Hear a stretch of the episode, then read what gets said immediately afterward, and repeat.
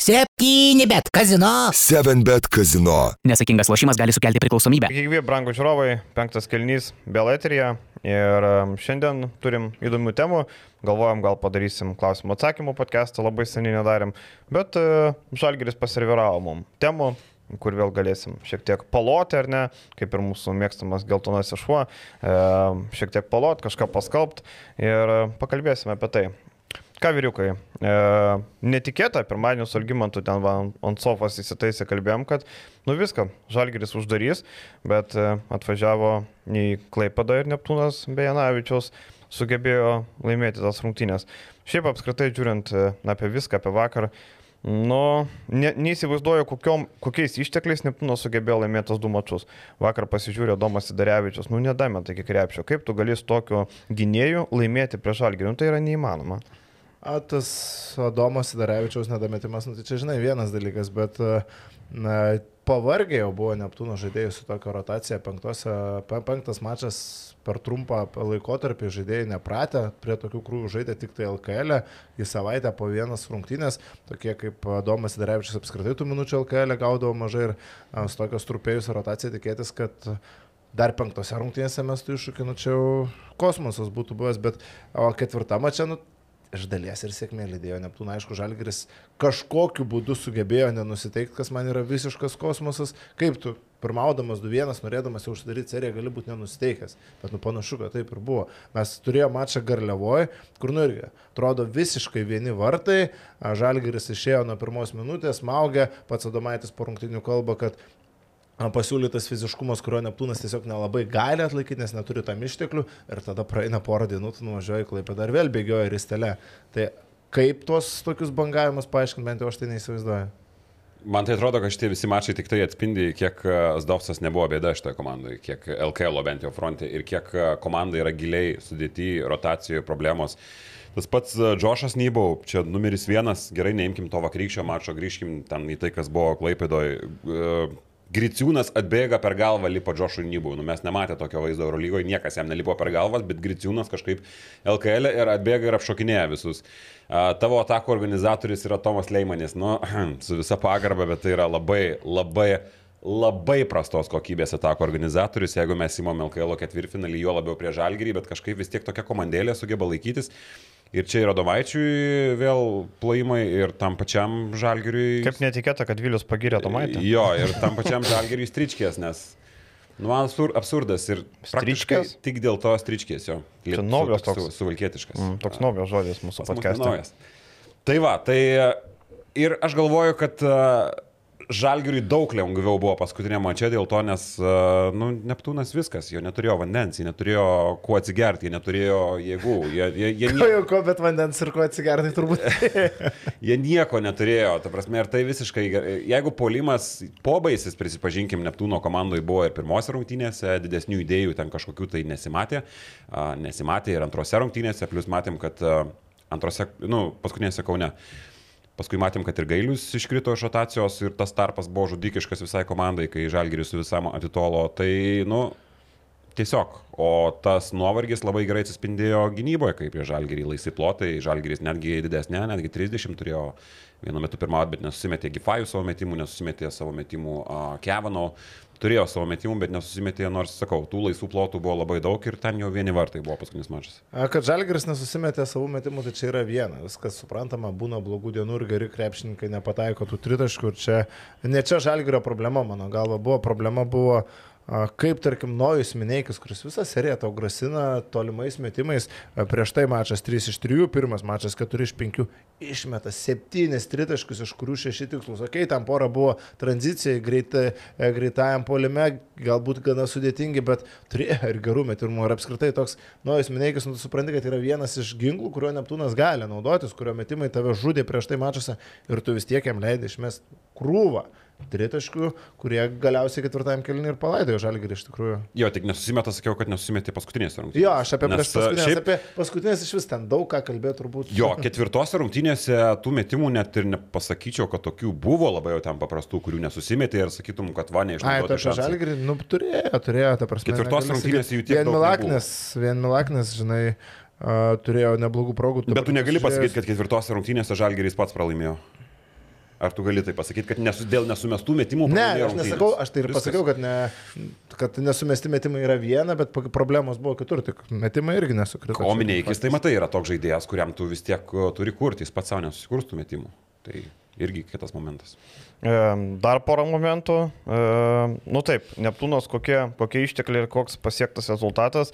Čia galima prisiminti legendinę, ne, nu kaip ne legendinį tokį pasakymą, kad tom komandom, kurios e, reguliariajame buvo žemai, jų pasirodymas e, playoffuose gali pataisyti sezono įvertinimą. Tai Neptūnas turbūt prieš fanus pasikėlė gerokai savo markę, galima taip sakyti, ne?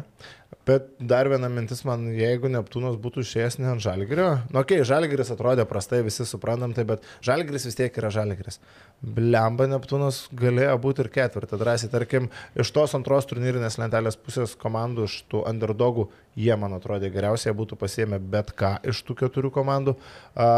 Šiaulius arba Jonava jie būtų pasiemę, kuri buvo ketvirta, su Lietkabeliu, okei, okay, gal ir nebūtų pasiemę, bet būtų pakovoję tikrai bent vieną pergalę, šimtų procentų būtų pasiemę prieš rytą, bent vieną pergalę irgi mažų mažiausiai būtų buvus. Ta prasme, Neptūnas buvo vertas būti ketvirtą iš to, ką jie žaidė antrojo e, sezono pabaigoje. Dar prisiminkim, kad jie rytą nukalė ir paskutinėse reguliaraus sezono rungtynėse. Tai iš vienos pusės Negyva, gaila. negyva ryta, nemotivuota. Bet ryta. čia yra ryto problema, čia nėra Neptūno problema. Bet tai yra aplinkybė. Taip, Klausykit, e, kaip e, Lietkabelis šiaip labai nenorėjo Neptūno. Dabar jau galima pasakyti, kad tarkim Lietkabelis žiūrint Čiaulius, Juventusą ir Sibetą labiausiai nor- nenorėjo Neptūno, kuris turėjo šansą, motivuojant tuo, kad turi labai gerą trenerį, kuris paruoš komandą atkrintamosiam. Ir panašu, kad e, kaip sakant, kas iš mano krepšinį puikiai, nes aš taip pagalvoju, nu blemba, ką tas Neptūnas, sako, jau turi Domaitį, Domaitis moka paruošti komandą pliofam. Pasirodo, buvo kaip žiūrėta kaip į vandenį. Iš tikrųjų, Neptūnas buvo tas varžovas, nu kuris, nu man atrodo, Lietkabeliui būtų metęs labai rimtai iššūkį, kaip be būtų. Matėm, kad ir reguliariam sezone labai daug problemų turėjo su to komanda, bent jau KMT e, serijoje, ar ne. Tai man atrodo, būtų buvę labai įdomu. Ir mes dar prisiminkim, kad Janavičius nežaidė paskutinėse dviejose rungtynėse. Jo gėla buvo stumiamas į žaidėjo poziciją, kuris nu, nėra jo tikra pozicija ir apskritai su to kūryba Neptūne net su Janavičiumi rotacijoje yra problemų. Dabar lieki be pagrindinio žaidėjo ir vis tiek sugebi kabintis, vis tiek sugebi laimėti, vis tiek kažką susikūrė tam pačiam minėjiui progą, sukūrė nu čia Adomaitis. Tiek pasikėlė savo vertę, manau, iš tos serijos metu, kad ojojoj. Janavičius, e, galima pasveikinti, gimė dukra, e, norėjo Viktoriją pavadinti, jeigu būtų laimėję, kaip sakė e, Karolis, tai man atrodo vis tiek gali Viktoriją vadinti. Dvi Viktorijos serija pasim prie Žalgirį yra rimta, rimtas, rimta Viktorija, kaip sakant, tikrai Neptūnas nusipelnė. O dėl Dainius Adomaičio, vakar labai patiko tas apsižodžiavimas su Kaziu Maksvyčiu. E, šiaip tarp jų, bet Blood, man atrodo, yra pakankamai seniai. Prisiminkime, e, Adomaitis treniravo Juventusą. Kazis treniravo Neptūną, kuris tuo metu žaidė Eurolygoje ir Adomaitis sugebėjo lemiamas rungtynės laimėti bronzą.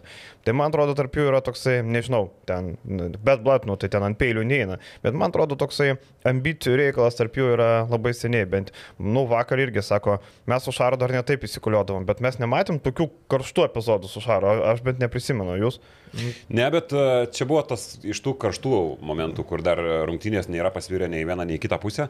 Bet, e, nu, taip, tu lipi ant teisėjo ir dar kažkas lipa ant tavęs. Tai man atrodo, kad natūralu, kad tau kažkiek tokioje situacijoje pakrinka nervai ir įsiuntinėjai ten ir, ir tėvą, ir motiną, ir, ir, ir visa kita.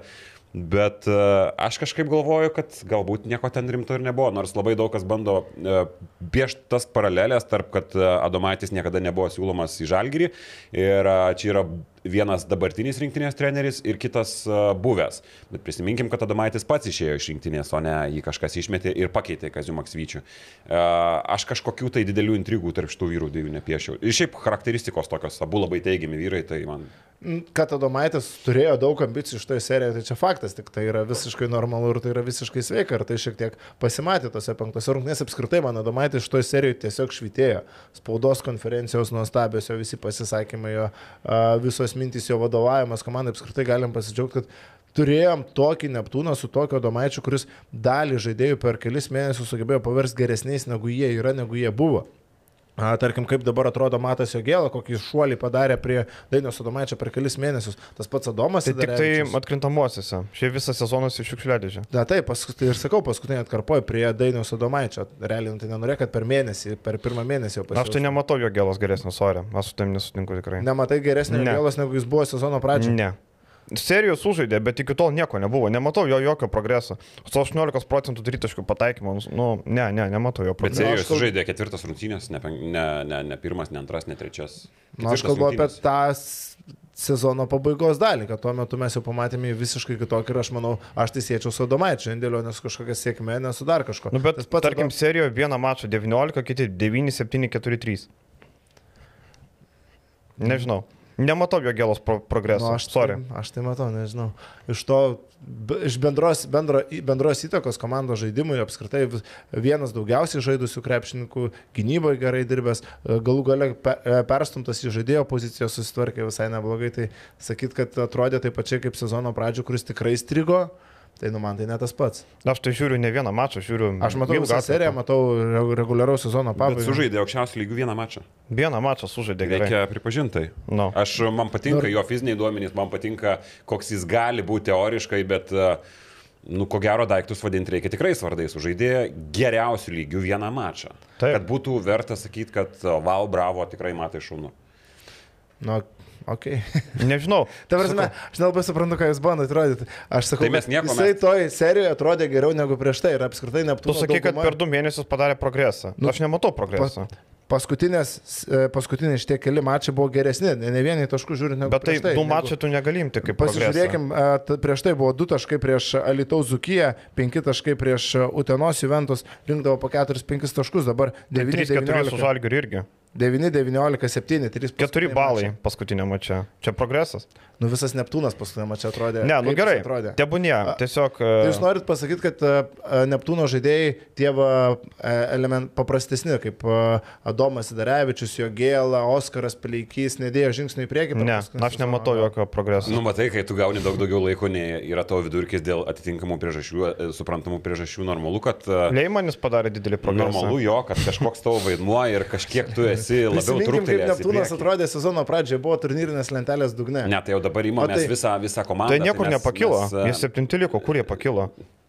E, Kovojo, kapojosi dėl penktos vietos ir vos nenukalė žalgerio ketvirtfinalį. Tikrai ne. Ne, tai žiūrėk, tai mes prieš tai analizavom atskirus žaidėjus, o dabar mes įmam tai- visą komandą, visos komandos darnį. Tai taip irgi nesažininkai taip sakyti. Tu tiesiog... Tai o e, iš ko susideda komanda? Iš atskirų žaidėjų, kurie pradėjo. Diskusija prasidėjo geriau. nuo Mato Jogėlos. Nu. Nuo, nuo mano įvardintų kelių žaidėjų, kurie pradėjo žaisti geriau, dėl to Neptūno žaidimas pagerėjo. Bet jis Neptūno- susikabino, aš Mato Jogėlą. Taip. Nu tai aš čia buvau. Aš tarpininkas, iš aš girdėjau. Čia buvo tik vienas iš įvardintų žmonių, kurie pagerino savo žaidimą. Apskritai Neptūnas s- paskutinėje sezono dalyje žaidė geriau negu pabaigoje ir dėl ko žaidė. Kaip darinys žaidė geriau. dėl Bet to- atskirų žaidėjom gailius vienintelis žaidė kaip turi žaisti. Gailius ir paskutinis Gailius mačas- kaip žaidė visą sezoną gerai, taip ir žaidė. Ir paskutinis mačas, ką mes matėm, kad iškrito gailius, krito visas Neptūnas. Realiai atsikabino už rungtynių, dar laikėsi, tarkim, per tą kovinį atstumą, bet gailius negalėjo žaisti, kas riešas sužaidė. Uh -huh. ir, ir viskas, nuskendo. Tai Neptūnas. faktas, kad ir plus Neptūnas priklausomas fizinis nuo nuovargis. Gailiaus. Faktas, kad Neptūnas priklausomas nuo savo brangiausio geriausio žaidėjo, bet nu, ne jis vienas toj serijoje padarė tą rezultatą tokį. Aš tik noriu pasakyti, kad e, Neptūnas, e, kaip prie Domaičio, geriau funkcionavo kaip bendra komanda, bet žaidėjo proveržio nematau. Nojus Mineikis, e, gal jisai tobulėjo sparčiai nuo praeito sezono, visą sezoną, aš jau sakiau, esu sakęs ir kai su Ilgimantu darėm podcastą, Nojus man yra vienas didžiausią progresą padariusių žaidėjų.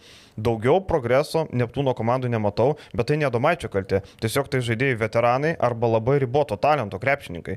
Nežinau, iš ko tu gali patobulinti, tarkim, jeigu Domaičio duota pačią komandą kitam sezonui, jinai ką, užims ketvirtą vietą, penktą, nu vargu, nėra iš ko. Mažai Mažai veteranas visai, ką žaidžia tu tokį kančios krepšinį, sunku tokį krepšinį, tu tikėsi, kad jis padarys progresą. Benas Griciūnas, nu labai ribotas centras. Julius Jūcikas, nu nėra iš ko. Tai dar yra Matas Vaitkus, yra Oskaras Pleikys, yra galbūt Klaidas Metrikas. Va, Tu tiki, kad Plikis gali būti gerų LKL žaidėjų? LKL lygių, kad gali žaisti, manau.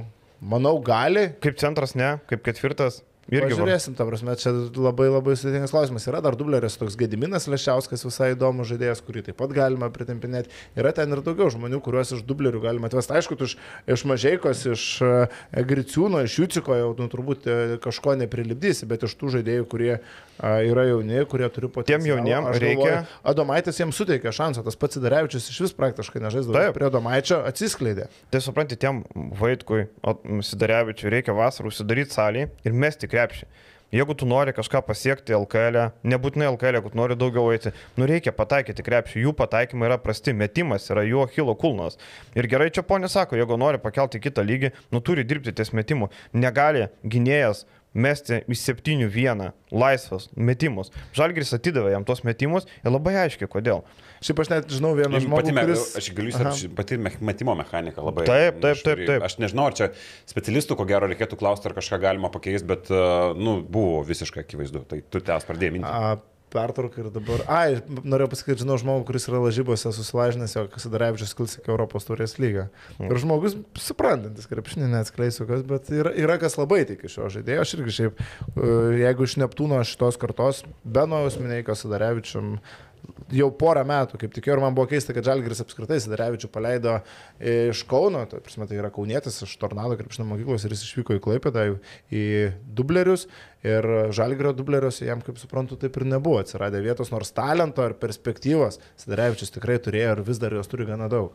Tai turi viskas gerai, mes ir nesakom, kad negali pakilti, mes tiesiog sakom, ką reikia daryti, kad pakiltų. Ne, tai taip. Jo, tai gerai. Reikėjo dar tos savybės tiesiog buvo jos šiaip išryškintos, nes kad jisai augantis geras metikas, tai visiems buvo viskas aišku, bet o, pirmos rungtynės ar antros trys trajekai, vėliau keturi, paskui kiek ten primeti tose paskutinėse šeši trajekai iš septynių, tai buvo wow kosmosas ir sakau, man šitos serijos toks didžiausias uh, Ne tai, kad atradimas, bet dar vienas patvirtinimas, kad Mineikis gali žaisti ir gali, nu, su Neptūnu sieti save ir ateičiai. E, gerai, e, tarkim, Neptūnas, ar ne? Baigėsi sezonas Adomaitis, galim turbūt vienbalsiai serijos MVP rinkti Adomaitį, ar ne? Net nėra apie ką kalbėti, bet e, turi pliusą ir man atrodo, kad vargu ar Adomaitį pamatysim kitą sezoną Neptūne. E, girdisi kalbų, kad Neptūno biudžetas gali būti mažesnis dėl e, uosto, dėl to, kad e, baltarusiškos trašos ten nebevažiuoja ar ne.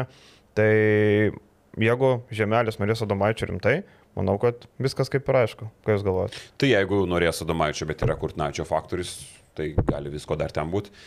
Bet jeigu negaus darbo Vilniui, Vilniaus klube, tai aš galvoju, kad turėtų likti Neptūnė šiaip jau, nes... kur Alytaus daugiau- klube. Kur daugiau, Lietuvos dabar, taip. Uh, Turi likti Neptūnėm, tai kur daugiau visais. Žybas pasirašo kontraktą naują su, su, su rytu, jeigu susitvarko su šiauliais. Žalgris viskas aišku, Lietkabelis, why not? Mhm. Kodėl ne? Čia va opcija, tik tai dabar pagalvojau. Bet viskas, nu kur, užsienis nemanau, kad važiuos. Šiaip norėtųsi, bet kokiu atveju, kad Adomaitis liktų kažkurio iš Lietuvos komandų, turėti čia Lietuvos krepšinio lygio, mes pamatėm, kokia yra šventė, kiek jis gali išspausti iš tokios komandos ribotos kaip Neptūnas šiais metais, tai jeigu jis gaus potencialiai stipresnį klubą, ar tai bus Lietkabelis, kaip Vilius čia gerai pastebėjo, ar tai bus Nuojo Žemelio klubas, tai lu- lubos labai aukštai būtų tokiai komandai. Šiaip e, Adomaitis laimėjo taktinę dvikovą prieš Maksvytį, jūs sakykit, ką norit, bet trenerių dvikovoje man Adomaitis atrodė užtikrintesnis.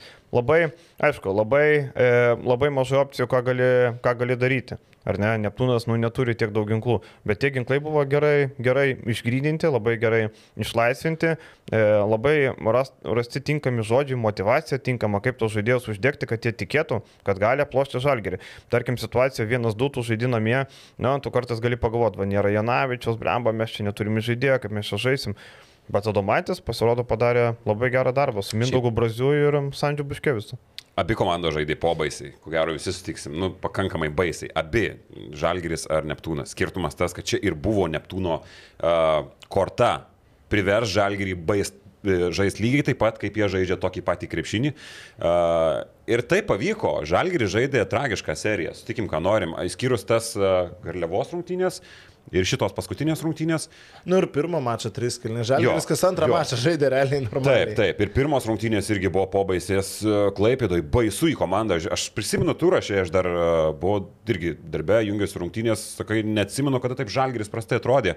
Įsijunginu akurat, labai tragiška, atakų progos, labai daug kažkokių tai nutrauktų derinių, bandymų forsuoti vienas prieš vieną, talento tam nėra, labai ribota komanda ir pats baisiausias dalykas man yra krepšiniai, aukščiausio lygio krepšiniai, kai komanda yra nemotivuota. Tai blogiau būti negali, kai komanda nieko net nebetiki. Džošas Nybau, okei, okay, ten dar vakar uh, halftime interviu sakė, kad uh, mes suprantam, kad jeigu mes pramazinam šitas rungtynės, mes važiuojam namo.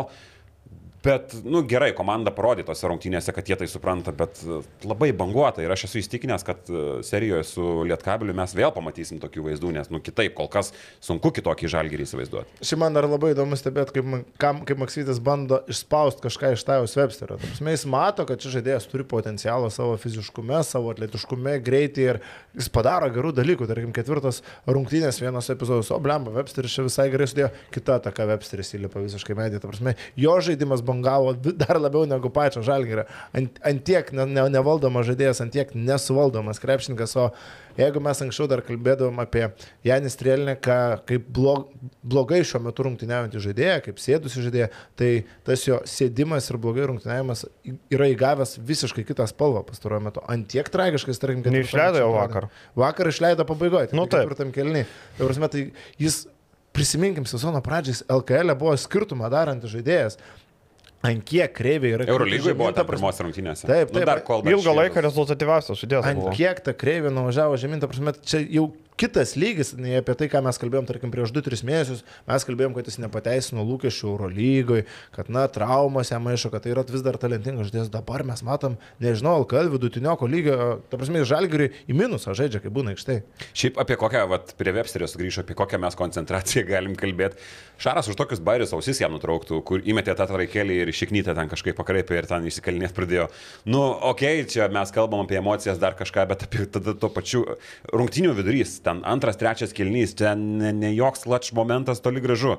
Tai apie kokią koncentraciją gynybai mes ten galim kalbėti. Man iškart kilo tokia mintis, ką?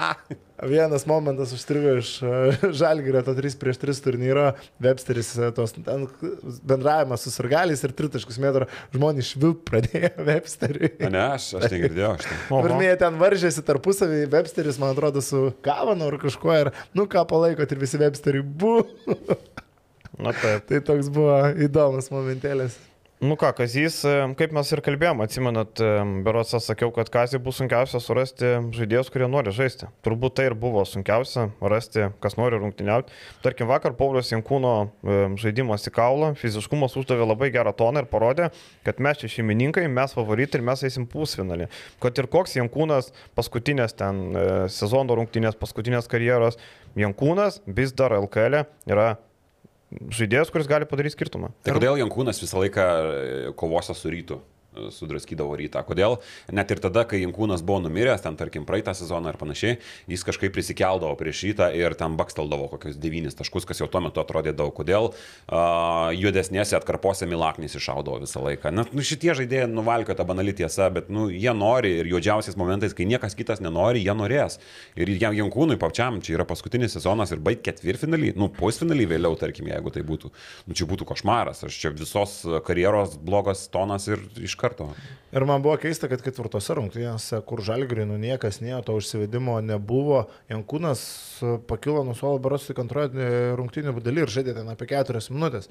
Prasme, aš būčiau, aš galvoju, kad Jankūną buvo galima išbandyti ir anksčiau, kaip tą žmogų, kuris, kaip ir sakai, pažaistų į kalą, kuris biškai tos agresijos, to fiziškumo priduotų, nes treč, trečią mačą Žalgiris ta, to fiziškumo agresiją tiesiog suvalgė Neptūną ir praeina porą dienų, tai visiškai išgaruoja, tai visiškai dinksta, aišku, Lekavičių Neptūnas pristabdė tose rungtynėse, kas irgi dar vienas įrodymas, kaip Dainius Adomaitis greitai sugebėjo pristaikyti, tave vieną žaidėją žudo, porą dienų praeina, tu sugebi įvesti korekcijas gynybai, tu sugebi kažkaip prisitaikyti prie tokio Luko Lekavičio žaidimo. Ir pats Dainius Adomaitis dar kalbėjo, kas jam labai patiko apie Neptūno žaidimą šitoje serijoje, kad komanda pradėjo žaisti sudėtingesnį krepšinį. Tai žaidėjai, kurie nematė to aukštesnio lygio žaidimo, bent jau dalis iš jų, ir jie jau sugebėjo pristaikyti prie sudėtingų gynybos schemų, prie sudėtingų perėjimų, prie a, sudėtingo krepšinio. Ar čia buvo vienas iš Neptūno pliusų?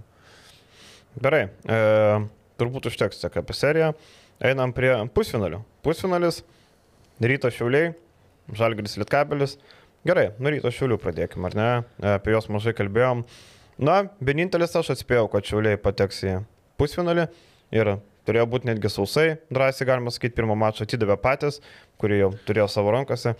Sibetas, Bertas kritikos, mes jau su Algo išsakėm daug kritikos, Virginijos Šeškaus atžvilgių, jo legionierių, tiksliau, ne, ne paties trenerio. E, pažiūrėkime į pačią seriją. Šiauliai, ką galvojat? Tai turbūt pradėti kaip ir galima nuo to, kad Šiauliai e, net ir be Elmoro sugebėjo su Jonava susitvarkyti gana užtikrintai, nors aš, pavyzdžiui, galvau, kad Jonaviečiai bus labiau motivuoti ir tie patys legionieriai, Lekomtas, kiek Šeškaus susirinko strėlių po serijos, kas netgi keistas, Šeškus toks, nu, mėgsta pasišaudyti. Tai kad supranta, tai- kad nebebus to žaidėjo Taip, taip, taip, taip, tvirtai, Virginijus pasisakė, nors a, komanda bet kokiu atveju Jonavos turėjo gerą sezoną. Jie liko penkti debutiniam sezone, jie sausai neprapylė ketvirfinalio serijos, kad ir, tarkim, iš favorito statuso, bet tai nėra blogas sezonas ir Virginijus taip griežtai pasisakė apie savo žaidėjus. O kas dėl Šiaulių? A, tai mane nustebino, kad be Elmoro sugebėjo vis tiek susistiguoti polimą taip, kad va, įveikti Jonavą. Tas pats Sufas Anonas jau buvau nurašęs, aš iš tikrųjų po tų pirmų rungtynių galvojau, kad nu, nebegalima jo vos nebandyti. Spėkit, kas Sanoną vadina Senonu. Kas? Nu, Kenan. spėk. Žilva? Jas. Nu, vadina, tai vadina, kaip pavadinsi, taip nepagadinsi, kaip sakoma, bet uh, sujudėjo Sanonas uh, likusios serijos, uh, likusios serijos, aišku, ne taip kaip su Prienų labas gas uh, pirmose rungtynėse, bet naudos jau davė. Nekalbant jau apie Gedriaus Tonilio faktorių, kuris ten dominavo baudos aikštelėje paskutinė mačia, tas pats Martinas, uh, Varnas Donatas Abeckis, labai solidžiai. Aš nežinau, ar čia kažką labai galima kalbėti.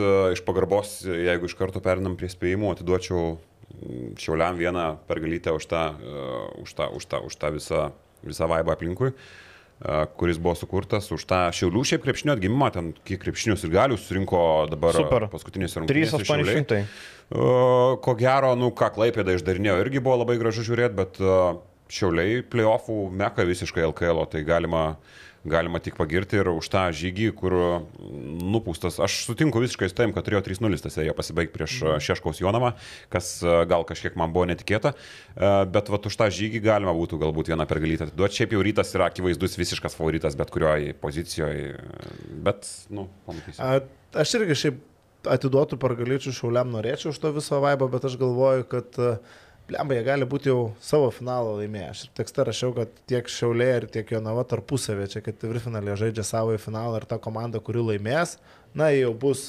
nugalėtojas sa savojo sezono, jau pateko tarp keturių geriausių komandų. Kaip tai suveis psichologiškai, aišku, net meskime variantą, kad kaip tik pra- užsiaugins sparnus ir žais dar geresnį krepšinį, bet yra įmanomas scenarius, kad, na, mes jau padarėme viską ir čia pirmas rungtynės, tarkim, rytas pasima ir šiauliai gali psichologiškai subirėtame pusfinalį. Čia Aš tai galvoju, kad ta pliauska Alitui biški gerai gali suveikti Vilnius rytui, kai uh -huh. parodyta, kad čia yra, nu, vis tik bus reikalų ir prieš tos pačius šiaulius. Šiauliai, sutikim, kaip vardas, jis nėra lietkabilis, jis nėra, jis nėra žalgeris. Tai yra šiauliai, bet kokiu atveju, kad ir koks hypas būtų aplink komandą ir panašiai.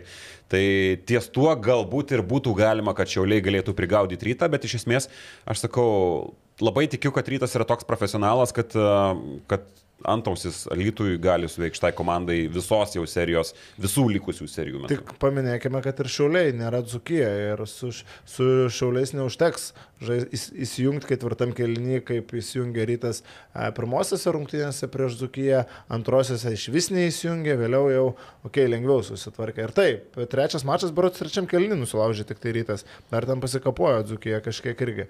Tai su tokiais šiauliais jau reikia koncentracijos praktiškai nuo rungtynių pradžios, jau tu negali a, atiduodinėti varžovom 2,5 kelnių. Tavo spėjimas. A, spėjimas, tu sakai 3-1, ne? Iš pagarbos, šiaip sakyčiau 3-0, bet 3-1 gerai. pasilikti. Tai aš 3-0 tada. kad Aš irgi išsiskirtų. 3-0. Tai aš vienas šią pagarbą. Aš per, argument- per, per pagarbą pralošiu šitą lažybą. Aš argumentuosiu keliais dalykais. Pirma, Elmoro situacija tokia, kad turbūt nežais. Sabetskis turi problemų su sveikata, kiek girdėjau irgi. Kitas dalykas, rytas šį sezoną nebe vieną kartą, visus kartus nugalėjo Šiaulius, nors atsiminkim, KMT dėl trečios vietos žaidė labai, blog, labai maža rotacija, kitos rungtynės Šiauliuose vėl atvyko be beilės žaidėjų. Nematau nei vieno Šiaulių pranašumo pozicijose, nematau per ką jie gali atakuoti, ką padaryti. Abi komandos taip labiau gal į polimą, bet rytas savo gynybą gali kontroliuoti rungtynės. Šiauliai vargu. E, nematau, kas gali. Buvo sustabdyti, absoliučiai nematau. E, nei Staniulis, nei Besbradica tuo labiau nesustovės. Prieš buvo nieks LKL realiai, jo negali sustabdyti. Nu, žalgi žalgi gerai aukštaugiai. Nu taip, taip, taip, taip. Bet irgi šį sezoną labai gerai. Irgi čia yra visai kita. kitas- Jo, tai va, tai kitas, Kalbant apie žemesnės komandas, be abejo. Šiauliai, viskas gerai. E, šaunuoliai dėl lankomumo, šaunuoliai dėl žaidimo ketvirtfinalį, bet e, aš manau, kad 3-0. Ir šiaip, ką dar galime išskirti, kuo ta pirma vieta LKL reguliariajam. Matome, kokį kelią turim. Žalgeris, kokį turi rytas. Žalgeris, Dzukija būtų sudorojęs, nu tikrai ne 3-2. Tikrai būtų laimėję 3-0. Nemanau, kad Dzukija pralaimėtų. Toliau, tu Rytas gauni... su Neptūnu, sorry, perus rytas su Neptūnu irgi būtų Taip. daug sunkesnį. Taip, taip, taip. Toliau, kur gauti lietkabelį, kur šiaulius. Nu tai yra skirtingo lygio komandos. Jūs galite sakyti, ką norit. Lietkabelio fiziškumas, lietkabelio talentas yra daug didesnis negu šiaulių žaidimas. Tai Žalgeris gauna daug sunkesnį kelią iki finalo ir tai yra ryto privalumas. Ir bebūtų. tai yra sezono pasiekmė, tragiško sezono pasiekmė Žalgiriui. Ir tai yra užtarnauta, rytas to nuspelnė. Mes čia net, mes net negalim kelt klausimo, kad o, rytas turi tokį kelią, nes jie to nusipelnė. Taip. Jie to nusipelnė per reguliarų sezoną, jie iškovojo pirmą vietą. Visais metais tą lengvą kelią turėjo Žalgiris. Nesvarbu, kad ten buvo Šaro Žalgiris, bet jis turėjo labai easy kelią. Dabar rytas tau užtarnavo ir viskas logiška. Ar dar, žinai, momentas būtų, jeigu, tarkim, kai Žalgris ten būtų pabar, pribarstas taškus prieš Jonavas daugiau, prieš Šiaulius, prieš Nevėžį, kokį būtų pralaimėjęs, bet ne, Žalgris du kartus gavo nuo to pačio ryto, laimėjo tik tai kartą. Tai Taip, taip. ryto pirma vieta yra visiškai tesningas dalykas. Ir e, ne veltui seniai sakoma, kaip treneriai sako, mes turim padaryti darbą maksimaliu, tada žiūrėsim. Nu, nes e, tar, tarsi tarp pirmos, antros vietos nuo LKL tokiom komandom, nu tarsi, nu atrodo, nėra didelio skirtumo, bet matom, kad šį sezoną skirtumas yra didelis. Ir rytas padarė, ką galėjo ir man atrodo, turėtų Volų pervažiuoti pusfinalį, ten nebus 30 taškų. Tiesiog manau, kad 3-0, bet aišku, mes tiek jau prisišnekėję esam, kad jo papatina, žinai, kad... e, nu, žinai, atspėt, kad Zukija laimės prieš rytą vieneras rungtynės ar kad Žalgris su Neptūnu nueis iki penktų rungtynių, čia jau kosmosas. Yra. Brokas Jama Grajauskas, e, Jo. berots spėjo 3-2, ar ne? Bet Neptūno 3-2. Ne, vad nepasakysiu, kurio, bet buvo spėjimas 3. Maladėt Rokas. Vienintelis mastermindas. Ten klaipėdas simpatijos. su Nu, taip, bet- taip. Bet, Bet mastermindas. Šitoje situacijoje mastermindas. Faktas. Tai va, tai ponai ir ponios, kurie mūsų klauso, rašykit komentaruose savo prognozes, nes po to labai lengva pasižiūri podcastą po savaitės. Aha, gyvuliai, sakė 3-0, o nėra 3-0. aš tam sportą pinigus sumetu. Jo, spėkit ir jūs. Visi paspėliosim, pažiūrėsim, gal, kas, gal kažkas iš jūsų bus geresnis oraklas nei mes. Pažiūrėsim, e, gali drąsiai spėti, e, visų nuomonės įdomios, drąsiai rašykit. E, Apie šitą seriją turbūt tiek, ar ne? Einam prie kitos serijos, kuri kvepia sensacija, ne? Bet jūs, jums netrodo, kad per daug šiek tiek lietkabelis jau vos ne kaip favoritas serijoje įvardyjamas. Man susidaro kartais klausant žmonių, kad ne žalgris ateina kaip favoritas, o kaip lietkabelis. A, man čia truputį neteisybė. Nežinau, aš tai neklausau, aš irgi jo turiu draugų, kurie sako, kad žiūrėk, čia gal lietkabelis jau kažką jau turėtų čiupti, nevelnio, net, nu, turėtų jo galbūt, bet uh, favoritu aš vis tiek laikau komandą, kuri nominaliai yra stipresnė, žinai.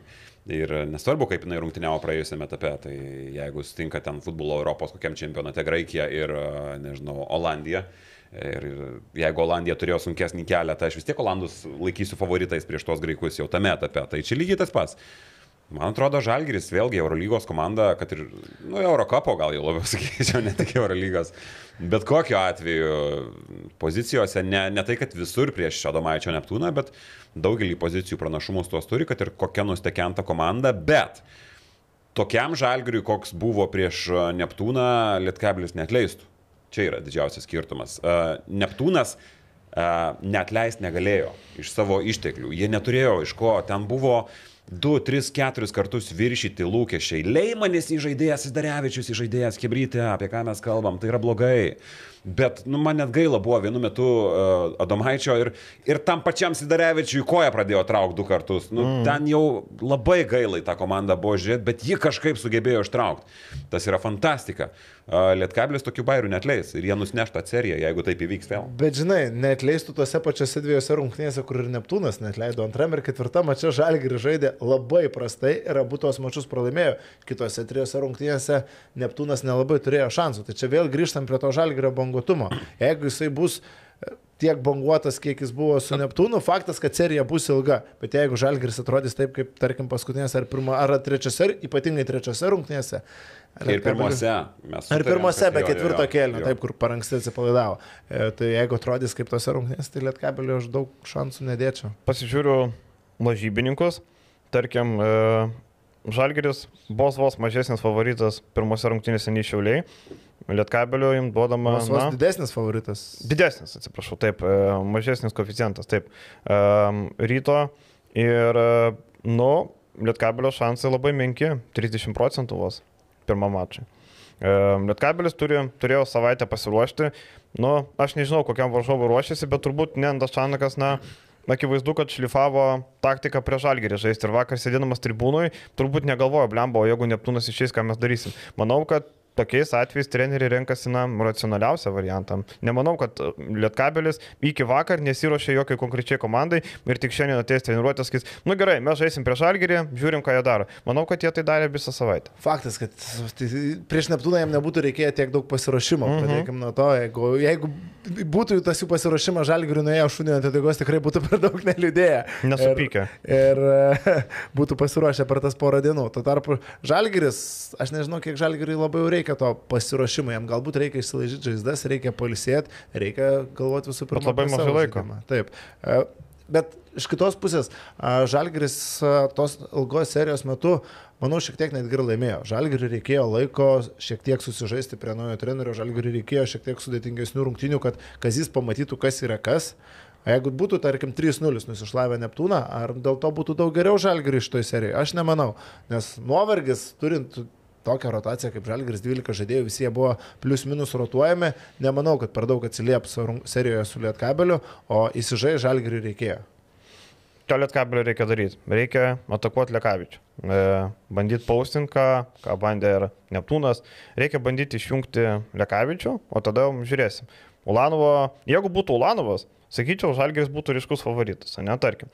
Dabar be Ulanovo Žalgeris neteko vieno svarbiausių ginklų. E, vis tiek, tiek Džodžio, tiek Nybau bus faktoriai šitoje serijoje, net nebejoju.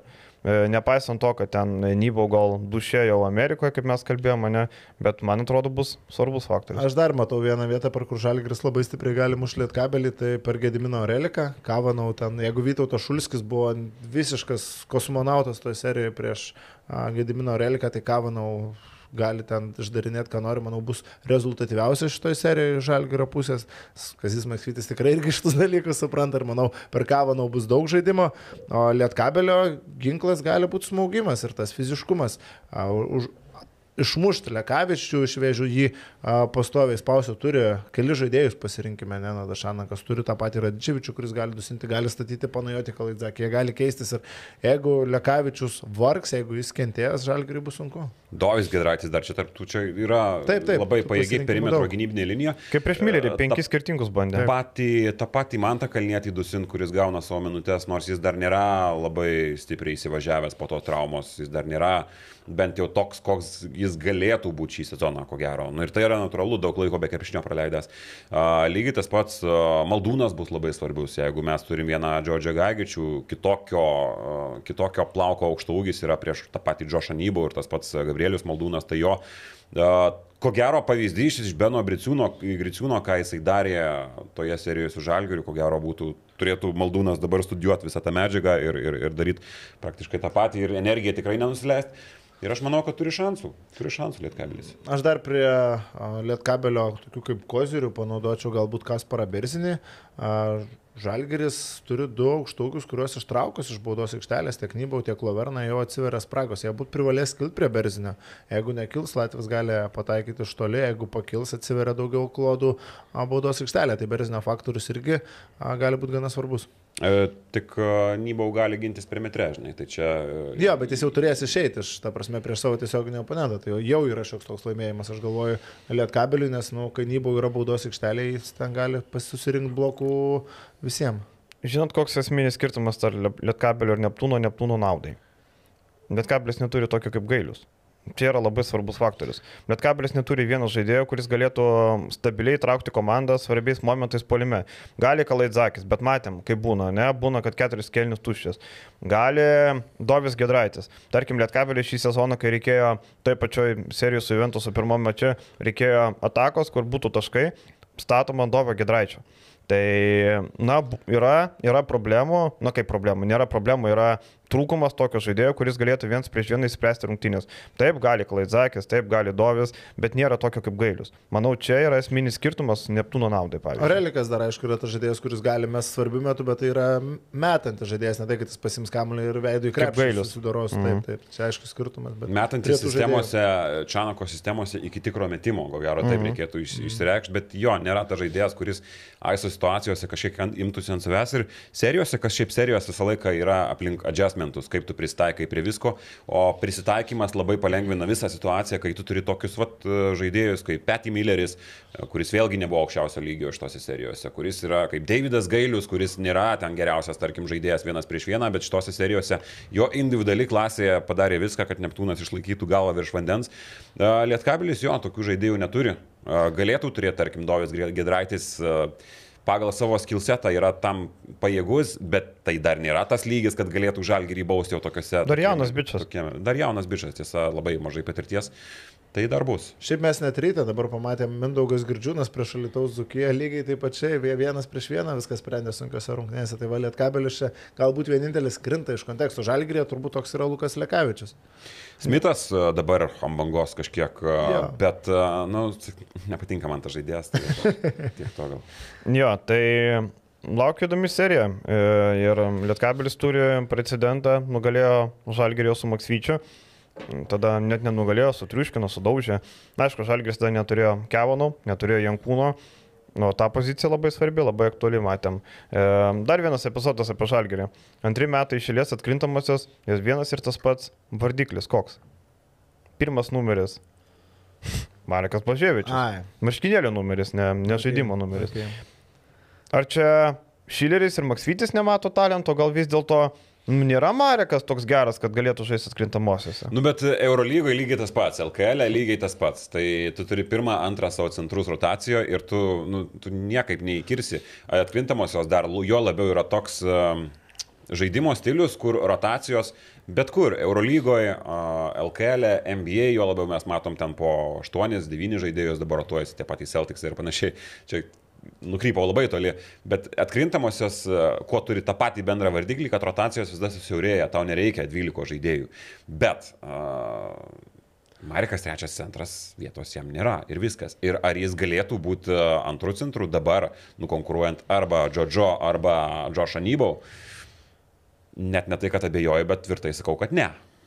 Nėra čia turbūt ką daug kur kalbėti. Nybo ir Laverna šią dieną yra tiesiog geresni centrai. Ir čia viskas natūralu. Miniotas, jisai daugiau žaidžia dabar ketvirtų numerių ir tu dar gali turėti kaip opciją, kaip centrą. Tai irgi natūralu, kad jis lieka kažkiek toje rotacijoje. Aišku, prieš Lietkabelį galvoju prieš va Maldūną. Jeigu Maldūnas žais centru miniotą, galima statyti vidurio polėjo poziciją ir čia Žalgiriui irgi opcija. Uh, gerai, spėjimai, ponai ir ponios. Čia labai, čia labai įdomu.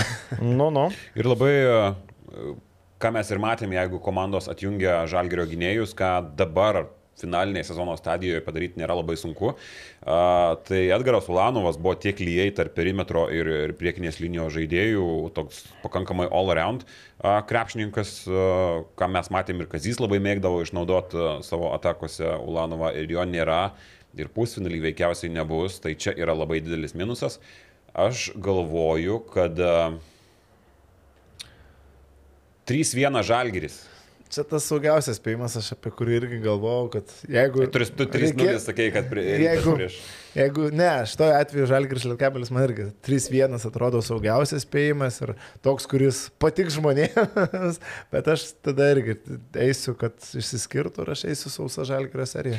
Kad aš žinau, kad, vat, nežinau, ar patiks žmonėm. Nu, ar, ar, ar yra šitoje situacijoje patiks, nepatiks, kadangi aš vėlgi savo burbulę čia kiekvienas. Aš žinau, savo irgi tam pačiam burbulė girdžiu, kad Lietkabelis yra favoritas. Laukia žmonės, ne tai kad favoritas, aš ne apie tai, bet laukia žmonės žalgerio pralaimėjimų, kad gautų tą španą į šikną. Ir kad eitų laimingi ruoštis kitam sezonui, kuris būtų geresnis, netgi tie žalgerio fanai, aš labai daug tokių nuomonių girdėjau. Tai tas, žinai, patiks, nepatiks, nežinau. Bet, žiūrėk, ar tai, kad Žalgiris laimėtų dabar LKL, ar tai vis tiek nebus španas kitam sezonui, ar kitam sezonui vis tiek nebus permainų, aš nežinau, ar Žalgiriui Tai bus reikia. permainų, bet Tai taip. psichologiškai nebus sukretimų jokio. Vėl Sukre- apsistatysim Oi, savo visiškas žalgiriukų fanatais, vėl mes viskas gerai, mes o, atšveskim titulėlį, e, rotušės aikštė, susirinkim, pamojokim vėliavėlėm ir mes kiečiausi. Klubinis Lietuvos krepšinio lygis tai parodys, kad yra apgailėtinas, nes čia nutiko šitam sezone viskas, kas gali nutikti, kad Žalgiris tik tai praloštų pirmą kartą per dešimtmetį titulą.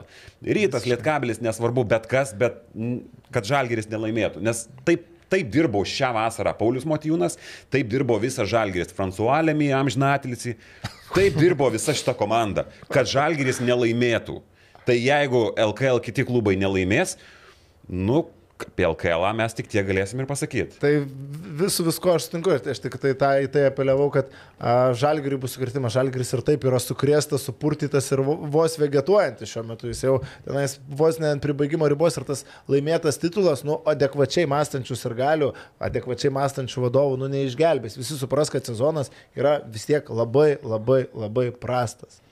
Man atrodo, kad jeigu Kazis Maksvytis ateitų, pavyzdžiui, pas kunigą ir kunigas iš pažinti paklaustų, Kazis sąžininkai pasakyk, kokią seriją prognozuoji, aš manau, jis pats neturėtų vienareišmiško atsakymą. Nes man atrodo, kad pats Kazis nežino, ko tikėtis iš komandos, kaip ir kalbėjom. Vienam čia gerai žaidžia, kitam tragiškai. Ir jis pats nežino, kodėl taip yra. Nu sunku. Sunku sužinoti, kodėl, bel nežino. E, tai man atrodo, kad šita serija gali būti labai nenuspėjama. E, iki penkių mačų būtų labai gerai, būtų labai įdomu. Aš sakau, aš tai būtų. noriu pamatyti krepšinį, nes e, aš viską vertinu iš krepšinio, pamatęs krepšinį tokį, kokį rodė Žalgeris prieš Lietkabelį, jeigu jis rodys aukščiausios įmanomos kokybės, aš kalbėsiu visiškai kitaip, bet mane labai įsiutino tos rungtynės e, su Neptūnu, ta visa serija su Neptūnu, ne paskutinės rungtynės, gerai ten ištaisė situaciją, bet iš to, ką mes matėm, tai buvo apgailėtina. Man pats baisiausias dalykas, kai žaidėjas neturi motivacijos. Ta žaidėja ir ta komanda buvo be motivacijos uh, dviejose su pusė rungtynės toje serijoje, kas šiaip jau yra pakankamai daug. Tai aš tikiuosi, kad mano nuomonė pasikeis. Bendra opinija, aišku, nepasikeis apie viską, bet bent jau apie LKL pabaigą. Man atrodo, kad labai svarbus faktorius yra namų faktorius, kaip bebūtų. Vis tiek Žalgirio arenui laimėti LKL komandai, nu, Eurolygoje, Eurolygos komandai nėra taip sudėtinga, kai tu turi mistriškumo pranašumą. LKL komandai, kurie, aš sakau, 3-2, bet, nu, tebūnė, net kabelio naudai. Tebūnė. O tu paskei? Aš 3-0 su žalgiriui, nu, bet čia toks drasus spėjimas. Kaip tu su Juventusu sakei, tai aš vėl- 3-2. Nors aš, realiai, aš galvoju, kad gali, kad gali būti 3-1 į Žalgirio Ai, pusę. žalgirio. Bet Jo. spėjai lietkabelio. Spėjau lietkabelio, tai, nu, šiaip, kad būtų įdomiau. Nu. Nu. Aš kaip ir sakau, ta prasme, aš irgi matau visus įmanomus scenarius ir vienas iš scenarijų, kuris gali būti, yra Žalgirio 3-0. Tai čia, jeigu reiktų statyti pinigus va šitą seriją, aš už nieką tiesiog nestatyčiau, nes čia yra per daug sudėtinga, mano galva, irgi spėti. pernai.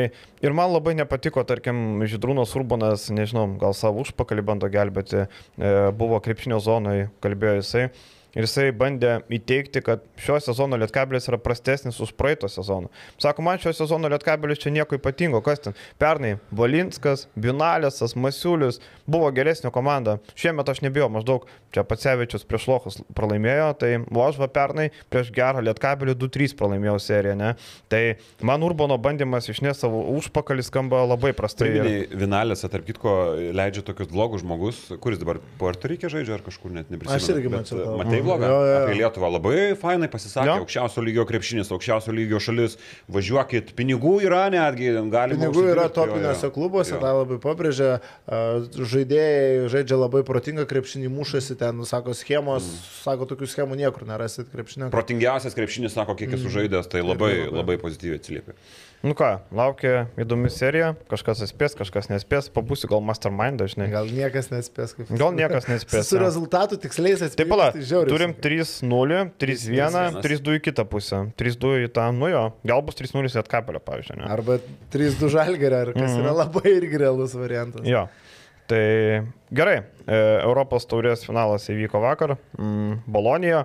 Užtikrintai susitvarkė su Prūtė Extra, e, buvo bandymų pasispardyti, buvo bandymų sugrįžti, šunys kovojo, bet e, Virtuso Teudosičiai parodė klasę ir pelnytai Virtusas keliauja į Europos taurę, kad ir koks netikėtas formatas, dienos pabaigoje pateko komanda, kuri ir turėjo patekti.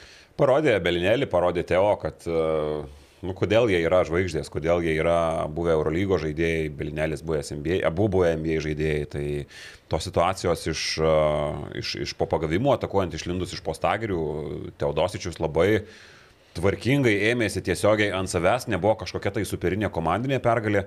Bet e, individualiom pastangom, nu, bravo, laimėjo pinigai, laimėjo sudėtis, laimėjo gražus krepšinis, šiaip jau Kailas Vimsas, neapdainuotas herojus, vat e, iki jo metimai atėjo tie tikri metimai, komandiniam pastangom, gražiai kamuolys suvaikščiojęs, išsimetė daug tritaškių, keturis ar tris iš viso pataikė, bet visus metimus išsimetė praktiškai laisvas. Ir uh, gynyba, galim kalbėti apie vos ne career high uh, keturis blokus. Ir tiesa, ne visi jie buvo patys lengviausi, prieš, buvo prieš Onurlapą bitimą, kuris yra pakankamai stiprus šiaip jau fiziškai. Buvo labai gerų, gerom pozicijom, kūno pastatymų, uždarimų plotų, labai protingas, labai, labai geras žaidėjas ir šiaip labai smagu, kad pirmą kartą jį pamatysime Eurolygoje, man atrodo, jis nėra žaidęs kitą sezoną, nes jis turėtų likti, man atrodo, jis turi kontraktą. Pratėsi neseniai bitimas. E, ne, aš kalbu apie... Apie Vimsą. Apie Vimsą. Na, Vimsas ne, nėra žaidęs. E, tai va, tai bus labai įdomu. O šiaip Brusas Poras praktiškai su daug, dauguma žaidėjų pratęsė. Uh -huh. Tačiau ir Nidhemas Barots Ir Dudzinskas. Ir Dudzinskis lieka, tai išsaugojo savo pagrindinius žaidėjimus ir tas pats bitimas prieš porą dienų prasidėsė. O a, kas dėl Virtuso, tai žiauriai fainai, kad sugrįžta šitas klubas į Eurolygą. Eurolygai jo reikia, jam reikia Eurolygos, ar tai yra Eurolygos lygio komanda. Jau šį sezoną tai buvo Eurolygos lygio sudėtis, ypatingai kai prisijungė Šengelė, kai prisijungė Danielis Haketas. Ir nors aišku, iš tos sirgaliaus pusės galbūt ir norėjosi tos turkų pasakos, kai silpnesnis, bėdnesnis klubas laimi ir patenka, bet iš praktinės pusės tai faktas, kad a, Virtuso pergalė yra naudinga visiems. O kalbant apie pačias rungtynės, tai nu, pasimatė žaidėjų talento skirtumas, kaip ir Vilius gerai paminėjo, nebuvo ten kažkokia komandiniais veiksmais grįsta pergalė, tiesiog pasimatė, kad Teodosičius vis dar yra Teodosičius, kad a, Kailas Vimsas yra gynybos žvėris, kad toko šengelį yra toko šengelį. Ir a, tik pagarba Brusos porui, kad nesu, nesubirėjo. Atrodė jau tris kartus man, nu jau viskas, jau čia vos ne Jungiuosi kažką kitą, ten plus 13, plus 14, žiūri, vėl plus 7, tik tai vėl plus 15, vėl iki 7-6 sumažina, tai iš šitos pusės žiūrint, Fruity Extra fantastišką darbą padarė. Ir treneris nebereikalo gavo nu, geriausio sezono trenerio apdovanojimą. Ko pritrūko Andrew Andrewsas, šiaip jau tas pats geras Michael Jameso bičiulis, Jamesas ten išpromautino visą tą finalą, sakydamas, kad aš palaikysiu šitą komandą ir panašiai, pas, vėliau pasakė, dėl Andrew Andrewso, nes jie buvo iš Portlando, Oregone. Uh, Bet uh, šitas žaidėjas yra geresnis nei kad jis parodė. Šitas žaidėjas gavo didžiulį spaudimą tiek prieš Pajolą, tiek prieš Denilį Heketą, tiek prieš išsikeitimuose prieš tą patį Uimsą. Žiauriai sunkus gyvenimas prieimant bet kokį kamolį priimant bet kokį sprendimą, priverstas e, buvo iš Sergijos Kariolo pusės nusimetinėti kamolius, tai jisai ir padarė. Ilgą laiką buvo minusinis ir galiausiai tik su dviem naudingumo balais ir baigė tas rungtynės. Tai vad ko pritrūko Bursas Porui labiausiai, tai solidaus, gero Nidhemo didžiąją rungtynių dalį ir Andrew Andrewso, kas jau 50 procentų komandos yra. Dar vienas momentas, vis tiek ta, ta mintis kirba galvoje, kad Lietkabelis blemba likęs penktas grupiai gavo pirmajame etape žais su būsimais čempionais. Tai, nu, iš Lietkabelio pusės a, skausminga. Dabar dar LKL pasižiūrėjus, kad pusinalė tenka žalgris, tai sėkmės faktorių šį sezoną tikrai nelydė panė. Ir beje, Virtusas dublį jau turi šį sezoną, nes turėjo Italijos taurę ir dabar turi Europos taurę. Šiaip šiemet daug įdomių nacionalinių čempionatų pabaigų laukia Italijos, Armani prieš Virtus bus žiauriai įdomu, Ispanijos jau turbūt net nekalbu, taip pačiu Vokietijoje įdomus dalykai, Bonos Telekomas, Bayernas ir Alba kapojasi Graikijoje, Pau Olimpijakos irgi nemanau, kad ten bus lengva, tai nacionalinių čempionatų kovos bus fantastiškas. Ir džiugu dėl Bolonijos Eurolygoje, dar viena komanda Eurolygoje, labai gerai, labai, e, jinai realiai jau pasiruošęs Eurolygai. O vat aš nemačiau, a, kas buvo po mačo, a, nes a, analogiška situacija, subėgo visi fanai į aikštę. A, tik tai čia šiek tiek kultūros daugiau žmonės turi nei Graikijoje, jie palaukė, kol iškels saurę ir pašlypo jekalį. Tada... Pitch invasion tai vadinasi. Ką? Pitch invasion, čia ultrų terminas, mm -hmm. tai yra tam. Jo, ir visi subėgo. Belinelį pamatęs, kad subėgo, nulipo nuo pakilos, iš karto į rūbinę, pasėmė taurę, iš karto į rūbinę, nieko nelaukęs, ten būna, žinot, pakilnoja taurę dar kažką, susirinko manatkės, tapkės į rūbinę tiesiai, visi iš paskos. Turiu versiją, aš šiaip vat, neskaičiau nieko Twitter'į, nieko po rungtynių, nuėjau miegoti iš karto, grįžęs namo, bet a, turiu versiją, kad su vaikais buvo ir nenorėjo, kad tie visi fanai, kurių buvo, ar ten, nu, matsnių vyrų, kad ten nedraskytų akių dar kažką. Matai, dar vienas skirtumas yra, tarkim, mes susilaukėm kritikos, kad labai olimpijakos pateisinam, bet šitoje situacijoje aš biškai kitaip žiūrėčiau. Matai, Boloniai dar buvo ir nemažai bursos poro fanų ir kai jau subėga tenais visi pradeda taip, labai nemenkas, nemenka tikimybė kažkokiems nu, konfliktams gali. Nu jo, bet subėgo Nes pradės, pradės bėgti virtusas, užkliudys bursos porą, tie ir taip nepatenkinti, tai terpė muštynėms atsiranda ir kažkokiam miniriaušiams labai didelė. Gal buvo komanda instruktuota, nes labai gerai virtus aš šiaip jau buvau pasiruošęs, nes dėl ko fanai nesubėgo iš karto po švilpukų, jie bėgo, bet aplink visą aikštę buvo gyva žmonių grandinė sustatę. Taip, Ne taip, ne taip kaip Anglija. Jo, jo, virtus organizacija ten buvo pamastę Hebra. Ir, ir dėl to jie nesubėgo, tik tai vėliau, kai iškėlė taurę. Tai ką, e, lauksim Virtuso veiksmų. 1,8 milijono šengeliai. Būtų kvailas, jeigu nepasirašytų. Tikrai niekur tokio kontrakto negaus. Šiaip šengelė man Virtuose nepatinka, nesižiūri man Virtuose šengelė. E, nuo atvykimo nesugebėjo mm, nieko parodyti solidaus. Labai statistika tokia sausa. Ir šiaip žaidimą žiūrėjau Virtuso mm. keturis mačius nuo atvykimo. Nepaliko man įspūdžio šengelė. Nespėjo jisai įsiklijuoti ir vakar ištisai Dudzinskis prieš jį rizikavo, nepriejo, Mhm. tyčiojasi praktiškai iš Engelijos. Nulis iš keturių. Nu, nėra jis stabilus metikas. Visi Eurolygoje tą patį darė. Šiaip. Visi tą patį darė jo. Tai čia nebuvo išimtis, bet jis drąsiai metė, finale ėmėsi ant savęs, bet ne vieno nepataikė. Jis, manau, ir patį virtusą buvo įmamas tiesiog kaip geras žaidėjas, o ne kad būtent tokio mums dabar va tokios pozicijos tą darančio krepšininko reikia ir natūralu, kad jam pačiam reikėjo ieškoti tos pozicijos, tos savo vietos atsiskleisti virtusė. Tai natūralu, kad tokios, tas, tokiose aplinkybėse, na galbūt ir tų skaičių solidžių neišvydome, bet faktas, kad jeigu liks virtusė, manau, kitais metais jau bus didesnė jėga. Jie turėjo Keviną Hervį, bet uh, norėjo dar labiau pagilinti uh, šitą Mhm. poziciją, tiesiog pagilinti rotaciją. Dabar į kiekvieną praktiškai poziciją turi po daug kartais net tris žaidėjus. Amaras Alibegovičius buvo, bet uh, prarado jisai vietą sudėti, net nebuvo registruotas finalui. Tai... Šiaip iš šitos pusės man džiugiausia, kad Milošą Teodosičių turbūt vėl matysime. Ir Belinėlį, Ir vėl Eurolygoje. to- Seniai labai nebuvo. žaidėjai, Kur, nu vis tiek Europos taurės kovas stebi, bet stebi taip vieną akimi. Ir dabar Milošą Teodosičių galima bus matyti kiekvieną savaitę, Marko Belinėlį bus galima matyti kiekvieną savaitę. Tai čia vien dideli pliusai. Jo, ir e, lauksim, kitą savaitę turėtų paaiškėti, ką Eurolyga darys su Rusijos klubais. E, Kas kaip bus, nes, nu, reikia dėliotis visiems. Nei ir dėl turgaus, kas ką pirs, kas kur dalyvaus. Čia labai svarbus aspektai. tai dabar lieka du wildcardai. Taip, E, jeigu rusai lekia lauk. Gerai, tarkim, e, vietoj Unixo ateina Virtusas. Taip, Vietoj Zenito nieko nėra ir vietoj CSK. CSKA. Mhm. tai du. Taip, pala, bet Zvezda irgi neturi vietos.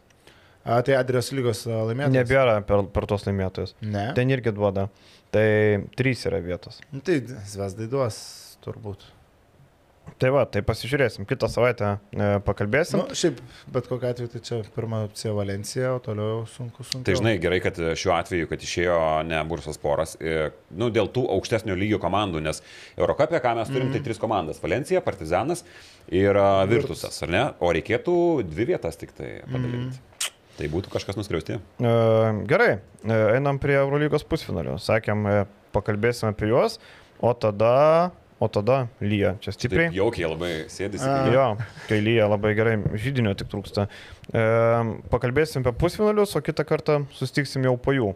Tai e, ketvirtadienį pusfinaliai, neįprastai būdavo penktadienį, dabar e, ketvirtadienis, šeštadienis. Turbūt geriau negu sekmadienis, man, man labiau patinka, kai šeštadienį finalai, ne? Man irgi geriau, nežinau. Nu, kažkaip Gal- Gal... čempionų lyga visada būna šeštadienis, o šeštadienis tokia šventė būna. Mm -hmm. Sekmadienis, ten darbai, dar kažkas.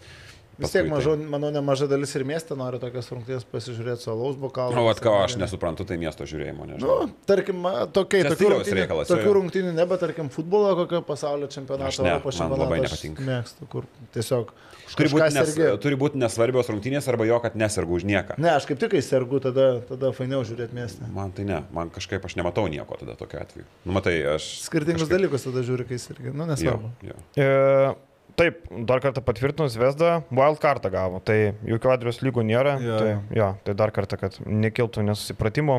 Gerai, Olimpijakos Anadol, pusfinalis. E, laukia, laukia skirtingos stiliaus komandų dvikova. E, Anadolų polimas, e, gera gynėjo grandis prieš Olimpijakosą kuris sakiau, kad noriu, kad laimėtų Eurolygą, neslėpsiu simpatiją, duodu pergalę Olimpijakosui, go Olimpijakos, Otomanas tegul eina Netflix'o serialą kur. Tarp Jo, kitko, nematėt, a, Erginas Atamanas, a, dabar visiškai bangos, Netflix'o serialas bus. A, TEDx'e turkų pranašimą skaitė, nematėt niekas? Mačiau, mačiau. A, Mhm. Su pavadinimu Sugrįžti į viršūnę. Mhm. Štai taip. Taip. Erginas. tai va. O kalbant apie krepšinį, tai Anadolo FS problemas labai gali kirsti per, per, per žaidimo kokybę. Aišku, tai vienos rungtynės neserija. Jeigu būtų serija, aš iškart matyčiau didelį gana olimpijakos pranašumą. FS yra vis dėlto tokia komanda, kur vieneris rungtynės, tu nežinai, ką iš jos gausi, bet be Krunoslavo Simono, be Rodrigo Bobuo ir su neaišku Vasilijai Micičium, nu, gali būti beprotiškai sunku. Aš Nu, matyčiau. kodėl Olympiakos. neaišku? Tai Micičius irgi turi sveikatos kažkokių problemų, bet žaidžia. Nemačiau, nemačiau, kad Micičius turėtų labai pasveikatos problemų toje serijoje. Bet, buvo a, tekstas tikrai, kad... Gal aš- Visai Milane susižeidė ir po to žaidė. Buvo Žaidė, bet ta prasme jo, jis jo. nėra šimtų procentų. Tai gali būti, aš čia mano, mano problemos. Ir vakar Turkijoje berots. E, Patikslinsiu. Aš galvoju, kad vėl apie adjustmentus bus šitos rungtynės, kiek sugebės prisitaikyti prie, gal ne prie Olimpijakos, labiau prisitaikyti čia reikės tam pačiam Stambulo Anadolu FS, nes vėlgi gynyba yra žvėriška prie Olimpijakos, žvėriško universalumo, aš čia kartojuosi ir kartojuosi, bet nu, labiausiai įvairiapusiška, ko gero, Eurolygos komanda man šiuo metu ir tas visas darinys tikrai yra idealus, bet sakau, turint tokius polimo monstrus kaip Micičius, kaip Larkinas, kurie vėl pasirodė visų gražumu prieš tą patį skirtingomis rungtynėmis, prieš tą patį Milano Armani Exchange. Tibor Apleisa įsitraukus, dar aišku yra rezervuose tokie kaip Krisas Singletonas, kuris ten gali, tu jam gali mokėti didelius pinigus, bet jis išaus a, kartą per sezoną, bet tas kartas bus kaip praėjusią sezoną, kada jisai finalo ketvirtį, man atrodo, prasprogo kažkurios rungtynėse. Bet Singletonas? Singletonas. E, Ketvirtino lemiamuose. Taip. Tai tos rungtynės bus pačios svarbiausios. Tai turi tokių rolės žaidėjų. Ir nežinau, aš tai... Blem, mes kažkada darėm spėjimus ir aš neatsimenu, jau ką sakiau ir dabar galiu pasakyti visai kitą komandą, nes man atrodo šitos komandos tokios lygios, e, kartu ir tokios skirtingos, bet uh, tebūnė olimpiakosas, nežinau.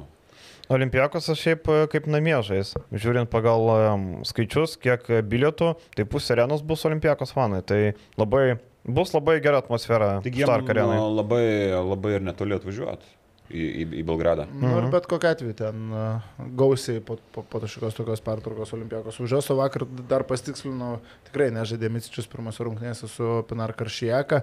Tai nu, vis tiek ketvirtfinalis. Jeigu... Gal netelpa legionieriai? Bet nu, vis tiek tai yra ketvirtfinalis. Jeigu ga, būtų galėjęs šimtų procentų žaisti, manau, būtų žaidęs. Bet kuriuo atveju negerai, kai tiek laiko nežaidžia. Dėl ritmo. Taip, taip, taip, Atamanas ne tas treneris, kur ten labai mėgtų taupyti savo lyderius ir uh, ruoštis finalo ketvirtui. O kad tas pačiainas Larkinas žaidė ir žaidė gana uh, daug prieš Karšijaką, tai reiškia, ne viskas dar yra gerai. Aišku, kai pusfinaliai jisai bus, tik klausimas, kokios bus formos.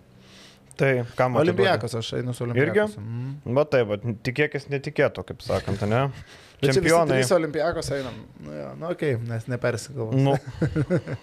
Gerai. Nes aš galvoju, kad aš įsiskirsiu su Nes šiaip ir, Olimpijakos. ir kitoje paroje aš turiu savo aišku spėjimą, Aš kuris irgi. ko gero sutaps. Tai...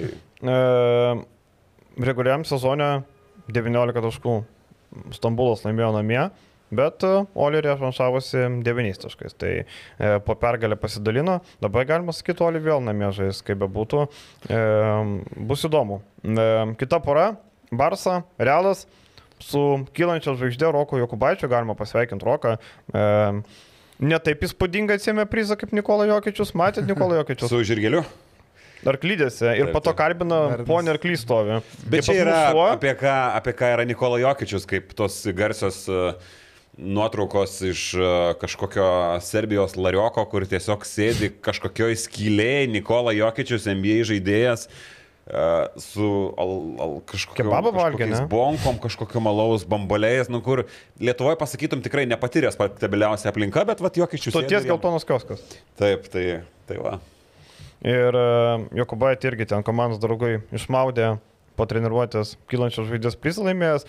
Nusipelnė Rokelis tikrai, šaunuolis, e, pernai Usmanas Garubas, sakyčiau, nepelnytai pavogė, ten dėl tos serijos prieš realą, nu bet ten tie keli mačai pakeitė neva sprendimą, nu okei, okay, tebūniečiau, nebegrįžkime atgal, bet dabar Rokas tikrai nusipelnė, aišku, Vembanijama e, labai arti ir kitą sezoną turbūt Vembanijama pasims, nes Asvelis jam ketina duoti daug laiko, daug minučių, e, bet Rokas mėgina tokį skirtinį klubą. Bet tai būtų būt- visiškai nesąmonė, jeigu Vambanėjama būtų laimėjęs. Ne, ne, ne, ta ne. prasme, Prieš pa- paskutinės komandos žaidėjas, kuris sužai, sužaidė kelis mačius vien dėl to, kad jis yra talentas, bet nu, jis nieko dar tiek daug neparodė, geriausias mačas buvo su Žalgiriu.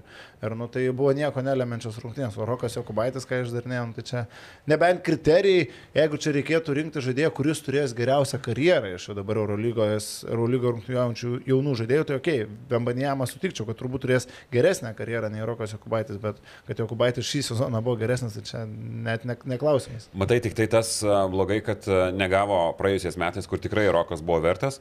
Tai būtų, vėlgi, čia yra simbolika, bet tas išskirtinis klubas būtų ketvirtas tik tai istorijos žaidėjas, kuris du kartus yra laimėjęs šitą, nes šį metą jis tikrai be jokios abejonės, kaip Maikas Džeimsas pasakė, easy choice, bet a, dar trys žaidėjai, kurie iki šiol yra du kartus laimėję, tai man atrodo, jau Rokas kitais metais nebegalės pretenduoti iš Ne, ten, nes čia iki paskutiniai metai. 21. Tai buvo prieš tai Bogdana, Bogdana, Bogdanas Bogdanovičius, Mirotičius ir Dončius jo laimėjęs po du kartus, tai va trokelės būtų tokioj žiauriai solidžioje kompanijoje.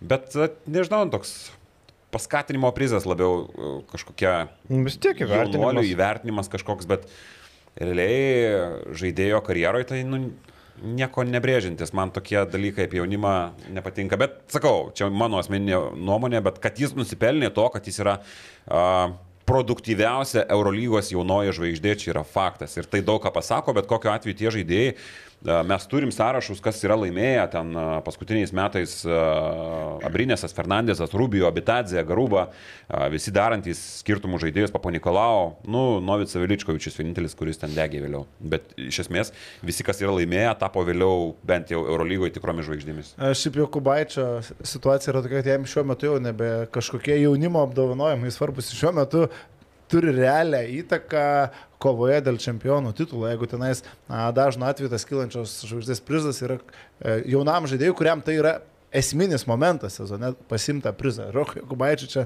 toli gražu nesvarbiausias dalykas šiais metais. Dar am, laukia rinktinės reikalai. Taip, taip, pagrindinis žaidėjas. Taip, tai čia dar. Šiaip kaip rimtesni primena, primena kažkiek tą Dončičiaus situaciją, čia aišku, Dončičius ir Rokelis gal kažkiek du skirtingi dalykai, bet Dončičiui tada irgi, nu jis gavo ten tą Rising Star apdovanojimą, bet jam pabarbanų buvo, ten sezonas ėjo ant titulo realų ir, ir jis Taip, taip, traukė tą komandą tiesiai iki titulo. Tai. Gerai, Barça realas. Už realą dėsi turbūt Vilniai, ne? Dėkit už realą jūs. Aš tai ne. Aš, aš už realą dedu. Rimtai? Ne. O, tai Aš gerai. už Barsą. Gerai. Tai aš vienas realų Tu lieku. vienas realų lieki. Gerai. Nežinau, e, Barça taip. Matom, Bos įsikapstė Ispanijos lygos rungtynėse ten prieš e, Kačino komandą, į vieną uodegą gavo, sugebėjo laimėjo. Taip, forma negeriausia Barcelonas. Bet palauk, sustabdysiu. Matėte rungtynę su Bilbao? Ne. Fantastika. Kaip atrodė Barsa, idealiai pagal vadovėlį. Tai tik tiek norėjau Tu pasakyti. matei, nes komentavai? Šiaip nebūčiau žiūrėjęs, kokia. Levas Bilbao. čia- Galima kartais pasižiūrėti, bet tokio aš irgi dar ne visada žiūriu. Žinai, dabar daug pasirinkimų, jeigu, pavyzdžiui, nebūtų, ką gali pasižiūrėti, Taip, ne? Ten tai drąsiai. LKL serijos vyksta, Eurocapo lemiami mačai. Tai... O kaip Corey Higginsas atrodo vėliau? Corey Higginsas e, visai neblogai, ypatingai, nu kaip, banguotai viršų apačia, trūksta gynyboje, trūksta to kontakto pojūčio, trūksta natūraliai žaidėjų, kuris yra dar šiek tiek plaukiojantis, palyginus koks jisai šar buvo, koks jisai uh, sprendimai, kokio greičio buvo tuo metu, kai jis buvo topiniai savo formoje, bet uh, atrodo pakankamai neblogai ir jisai finalo ketvirtį tikrai duos naudos. Uh, Eksumo neaišku, ar bus uh, mm. Deivisas su, su, su, su Kuričium, tie žaidėjai, kurie pravėmė ten tą finalo ketvirtą, jų irgi dar nėra. Ketvirtinalį pravėmė. Mm, ketvirtfinalį jo. Mm. Tai bus matyti. Bet šiaip kol kas, uh, sakau, akivaizdžiai komandų rotacijas viską dėlioja, jeigu buvo paskutinės sekundės, kuomet viskas jau ten aišku, ne paskutinės sekundės, bet jau ten nuo trečio kelnio su Bilbao viskas buvo aišku. E, vis tiek drožė ir Kaisėdo įleido tik tai likus ten dviem minutėm ar kažkas tokio. Tai reiškia, kad Šaras tą savo rotaciją drožė, drožė, drožė prieš pat finalo ketvirtą ir akivaizdžiai ruošiasi realui šitą komandą. Tai tų rezultatų aš visiškai dar a, netiek ir e, sureikšminu, plus nereikia pamiršti fakto, kad užsitikrinęs realas yra reguliarų sezono nugalėtojų vardą ten. Ir Barcelona. Užsitikrinus. kaip man viskas maišosi, Barcelona jo. jo, Klausau. jo. Ponas, kodėl už realą? Ai, kodėl aš už realą? taip, taip. A, šiuo metu geresnės sportinės formos yra realas. Aštuonios berots rungtynės iš eilės laimėtos, jeigu mes kalbėjom, kad šita komanda buvo dugne. Vienu metu, kai prapylė praktiškai viską ir Ispanija prarado tą galimybę kovoti dėl reguliaraus sezono nugalėto vardo ir Eurolygoje iškrito iš to pozicijų. Šiuo metu Realas surado savo žaidimą, surado tos pačius gynėjus, kurie po truputį įsibėgė, kai okay, Ispanija buvo dabar rungtynės labai sunkios su Obrodoiru, a, ten vienu tašku tik išsitraukė, bet vakarą Mursija nušluota 30 čia berots kažkur taškų. Bim vieną. Nu, 21-30, mhm. vis tiek daug. Bet kokiu atveju tai aš įsivaizduoju, kad Realas ateina labai neblogos sportinės formos į šitas rungtynės. Ir e, apie tai mes jau kalbėjom, labai sunku tiek kartų iš eilės laimėti Barcelonai prieš Realą. Ir va čia tas faktorius, kad daugybę nesvarbių, nu, iš dalies nesvarbių rungtynių Barsa pasiemė ir čia gali būti tas momentas, kai svarbiausias pasims Realas. E, nei Ertelis, nei Tomkinsas negryžo į realų rotaciją, tai turbūt jų nebus finaliam ketvirtį, nu naivu tikėtis, kad du mėnesius Ne, nežaidė. nesąmonė būtų. Jo, turbūt jo nebus. Bet Nigelas Viljamsas Gosas dabar jau geriau pradėjo. Jo, atrodyti. Gosas pradėjo funkcionuoti kažkiek. e, Jo, aš kažkaip nežinau, aš tikiu Šaru, tikiu, kad Olimpijakos Barsa bus finalas ir bus kančios krepšinės. e, Kenties abi komandos. Dieve, kaip blogai bus, mm Mhm. -hmm. koks blogas finalas turėtų būti. Jo, jeigu toks e, finalas, tai bus kančios krepšinis. Bet e, pažiūrėsim, pažiūrėsim. Aš galvoju, Mirotičius gali vėl labai sudegti su realu, pažiūrėsim. Čia labai svarbus momentas su psichologija. E, Jau kalbėjome apie jo pasirodymą ketvirtfinalį, dabar dar prieš realą, lemiamas mačas, Shell klasiko. Viskas, ko reikia, kad e, Mirotičiaus kiaušai net laikytų. Pažiūrėsim, gal atlaikys.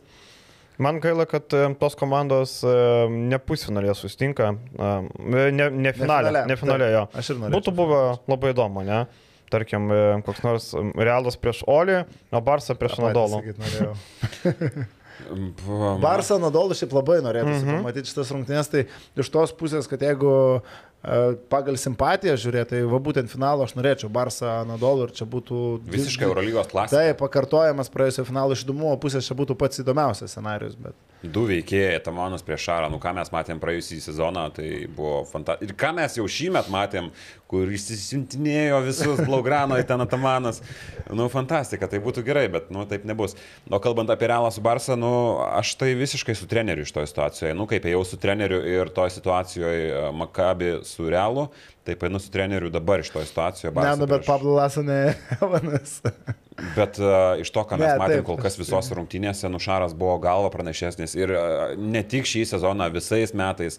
Uh, Tai visais, tai tik pernai žai- žaidė su Barsa Šaras. Tai lygiai tas pats buvo irgi dominavo tarpusavio dvikovose. Ne, nu praėjusiu metu, žinai, nelabai galima lyginti. Realas buvo biškai kitokio, lygio klubas, kitokio Galbūt, lygio bet šiandien tas lakmuso Šį, sez- popierius šį yra sezoną taip Šaras valgė visiškai- Pablo Laso, čia visiškai visiškai sutinku. Visiškai Ir sakau, tos paskutinės uh, rungtynės prieš galbūt paskutinės, neprisimenu dabar kurios, kur ten rotacijos pas, per paskutinės dvi minutės pašarą taip su, suvaikščiojo, o, o, o, o, o, o, tarkim Laso tokia reakcija gera nepasižymi. Tai vėlgi taktiškai irgi Šaras ant to dirba, Šaras ant to ruošiasi. Realas, aišku, ruošiasi dar ilgiau, galėtum pasakyti tu, bet... Uh, Bet nesakysiu. Bet nesakysi, bet aš galvoju, kad a, šitoje situacijoje Barsa yra ir sudėties prasme gilesnė komanda, turi daugiau įrankių, kokybiškesnių įrankių ir aš galvoju, kad a, Vėlgi, aš neėjau su momentumu prieš ketvirtfinalį, aš ne, neinu su momentumu ir dabar, kuomet realas galbūt rezultatai rodo, kad jis na, yra geresnis, bet aš manau, kad taip nėra. E, Šiaip toks uh, emocinis momentas, prisimenant Gintaro Krapiko vienu žodžiu. Ne, Dariaus Maskoliūno berots. Kalkit mane prie kryžiaus. Ne, aš- Darius Maskulino. Kur, ar buvo malonu laimėti ten a, titulą, paklausė, atsimenu, po ža, kai LKL laimėjo Žalgeris Vilniui. Ir Maskulinas ten, ten reikėjo laimėti. Tai va Šarui reikia titulą iškelti būtent ten, Belgrade. Jokubaičiui, kur sužaistų rungtynės Šarui iškelti titulą būtent Belgrade, va ten. Ir išėjti su maikutėm, Ir Slava Ukraina. taip, taip, irgi. Va, čia va, Bet turbūt taip nebus. Nebus Ne, šimtų procentų, nebus. Tikrai Tai nebus. įsivaizduoju, kas ten darysis. O kodėl Slava Ukraina? Tai...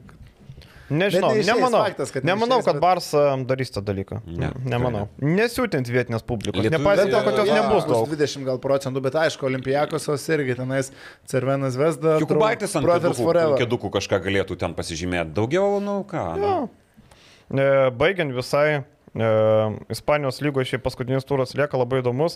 Keturios komandos kovoja dėl išlikimo. Ir Burgosas San Pablo panašu krenta į antrą divizioną, o Saragosa, Moro Bankas ir Fon Labrada e, kausia dėl paskutinės, e, dėl, dėl dviejų vietų. E, trys komandos į dvi išlikimo vietas. O aš vakar bandžiau skaičiuoti, bet taip ir nesuskaičiavau Brodoiras ir e, Real Betisas. Taip, Real viskas. Betisas šventė lyg laimėjo titulą, e, laimėjo tiesiog. rungtynės šventė jo papatinai. Nes ten gaunasi vienos pergalės skirtumas, bet turbūt per tarpusavio kažkaip. Real Betisas eina. namie nukalė Gran Canariją ir ten šventė buvo nemaža. Tai O Brodoiro žavantutę nusikalė. jo, panašu, kad Burgosas, kuris šiame sezone e, žaidė čempionų lygoje, sugebėjo, bet taip, krenta į antrą divizioną. Biški jo. Tai kur svaigom ten, kad ryto grupė, ryto mm. grupė. Nu, tai čia vat parodymas, kokia ta grupė buvo. Du metus išėlė, dviejus metus, atsiprašau, laimėjo čempionų lygą, tai klubas krenta į antrąją. Be šik Ispanijos tašo lygą. žaidė katastrofišką krepšinį, o, o, o Burgosas krenta į kitą lygą. Tai dar man- Doras man- Morabankas gali irgi iškristi. Man Resos labai man gaila, nes a, komanda žiauriai gerą sezoną pradėjo, tas šeimo Monikė labai neblogas žaidėjas, gali būti, kad matysime ir Eurolygoje visai netrukus. A, tik tai, kad sėdo biški į pabaigą sezono ir dabar jie baigs ko gero sezoną septintoje Jau vietoje. viskas su realu. Kas playoffuose jo reiškia realą, tai dėl to yra šiek tiek gaila, panaši? Tai situacija gali kaip ir Lietkabelio. Jau yra paskelbtas uh, playoff. Bet palaukit, vienas paveikslas. mačas yra likęs, tai kaip čia gali būti. Na, nu jo, šiaip tai teisingai Ten gali. paskelbtų tik tai, kaip dabar. Preliminariai. Taip, Nes taip, taip. mhm. Paskonė, Tenerife ir Manresa turi po 20 pergalių ir turi po vieną mačą, tai ten dar gali. keistis. Jo, dar paskutinis turas, tai va, Ispanija paskutinis Bet tu matai, Manresa žaidžia paskutinį turą su Barsa. O Barsa žais paskutinės rungtynės prieš finalo ketvirtą. Kas reiškia, kad turėtų būti, nu... Motivacija. Arba, nu jo, čia. Ja, Nesvarbu. nesvarbu. Nu ir paskutinis ką, e, džiaugiatės, kad Monikalių išėjo į finalą. O. Netikėta buvo, ne? Kaip sakė Zilnys, su ragais lieka visi skeptikai. Aš tai tikėjau, man patiko, man fainai. Man šiaip Eurovizija yra rezultatas, kur apie nieką dalykas, kur man yra svarbiausia pasirodymo, aš žiūriu Euroviziją jo, bet man yra svarbiausia pasirodymo grožis ir originalumas. Tai šitas šių metų pasirodymas yra žiauriai originalus, nes vien yra savotiškas, kadangi tai yra mūsų kalba ir panašiai širdžiai mielas. Nu ir man, sorry, bet neįdomu visiškai. Ir naip. Nu, jo, Pasirodymas tai nykus buvo. Mal, mal, jo, nykus pasirodymas labai malonu, kad a, patenka visa kita, bet aš žiūriu, aš kaifuoju ir viskas, nuo ko daugiau reikia. Taigi nelaimės pirmos vietos. Taip, Taigi čia taip. ne, ne apie tai, man atrodo, konkursas. Taip. Bet kad pa- tas e, patekimas į finalą tai yra tiesiog galimybė, kad va dar finale galės sudainuoti dėl Jo. to fainai. Ir galėsim stebėti gyvai ir kankintis, kaip už mus niekas nebalsuoja. Ir- Ir Britai, va, emigrantai sėdi Bet ir nesubalsavo. Daugas pamiršta, kadgi dabar tuos pirmus balsus, kur skelbia, kur ten išlėto ramiai, tik ten skelbia komisijų. Atsimenu, mes vienais metais ant ukrainiečių labai pykom, kaip čia Ukraina mums nieko nenori, tengi komisija. Dabar jau Žinai, viskas, bus komisija. 12, ramiai. E, kas dar yra? Latvijos aplenkiam. Latvijai lieka ant rago. Aš, aš visą laiką mėgstant Euroviziją simboliškai pinigėlių užmesti, tai Latvijos koeficientas buvo 1,8. Bet paklausiau dainos, galvoju, ne, ne. Lietuvos 2,4, padėjau pinigus, pinigai sąskaitoje. Kiek padėjai? Nedaug simboliškai ten. Jo. O šiaip Ukrainos gabalas tikrai geras, man patiko. Man patiko, žinot kas, kur jau visiškai, šiaip žiauriai silpnas pusėmis. A, šiaip mėgas ėmė. Apgailėtina buvo. Man patiko, jie nepasirodė, bet pusė velnio savotiška labai daina prancūzai. Nežinau. Na, girdėjau, nebloga. Aš italus tokia- jau girdėjau. tokia visai. O kaip tau Albanija su privalumais? Šičia. Su bonusais. tik tokia jinai, man atrodo, šitą dainą sukasi. Jo? Ir ne tik daina, manau. Nu, ten tokių, nors kai Zilnys ten sako, va, čia vos ne per daug kažką rodo, galvoju, nu, nemačiau pasirodymą, čia kažką, pa...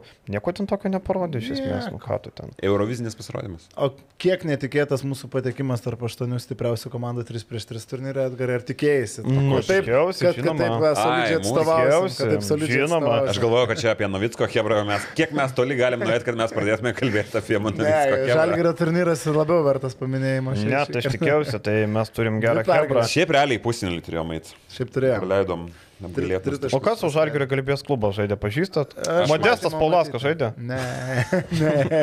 Įsitraukęs, seną maikę nusipurtęs. Tai gal vietoj jo išbėgo Žilvinas Tratas? Sergejus Jovaiša galėjo žaisti. Taip, šiaip jau.